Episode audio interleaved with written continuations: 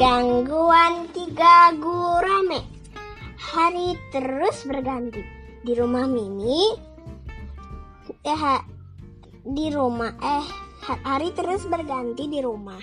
Mimi sedang belajar sholat sendirian, tapi Mimi mulai kesal karena Mimi tidak hafal bacaan sholatnya. Uh, bosan aku belajar sholatnya.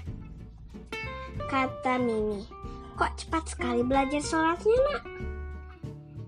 Tanya Bunda Rema heran. Mimi bosan belajar sholat. Mimi mau main saja di luar. Jawab Mimi kejut. Kenapa bosan nak? Bukannya minggu depan Mimi ada praktis sholat. Nanti gimana kalau nilai agama Mimi jelek? Tanya bunda lagian. Lagian bacaan sholatnya panjang-panjang. Mimi belum hafal bacaan sholatnya. Mimi kesal. Nanti juga hafal nah asalkan Mimi sering mempraktikkan kata bunda Rema. Gak ah, Mimi mau ke taman saja.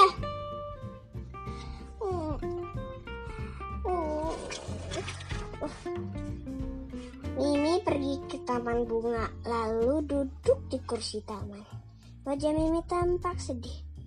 Itu kata bunda, kalau Mimi tidak belajar, nilai agama Mimi bisa jelek. Tapi Mimi sudah susah menghafal bacaan sholatnya. Bacaan sholatnya panjang-panjang.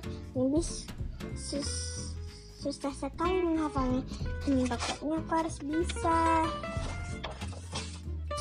Dari kejauhan tiga gurami melihat Mimi.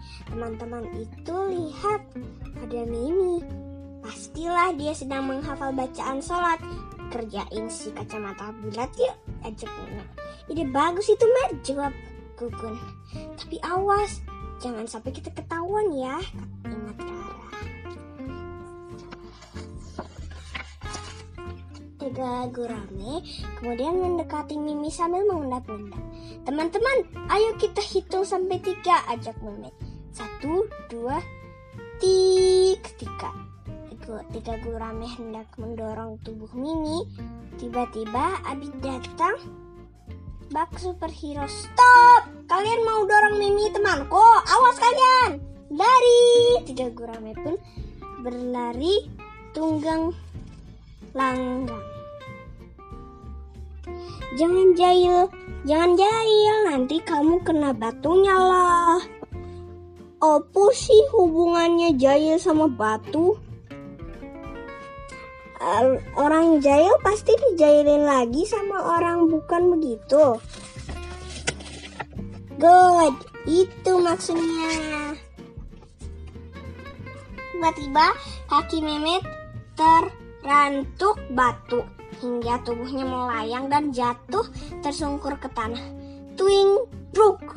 Suara jatuh tubuh Memet terdengar keras. Aduh, teriak Memet kesakitan. Memet berusaha kembali bangkit dari jatuhnya, namun sayang tiba-tiba Gugun yang gendut menabraknya hingga Memet terjatuh kembali. Bruk. Waduh, teriak Memet kembali memegang pinggulnya. Wah, kamu teh kenapa malah nubruk saya, Gun? Teriak Memet kesakitan. Maaf, Met, lagian Memet malah jatuh duluan. Jawab Gugun. Ih, kamu ya, awas dong, sakit badannya saya. Gugun teriak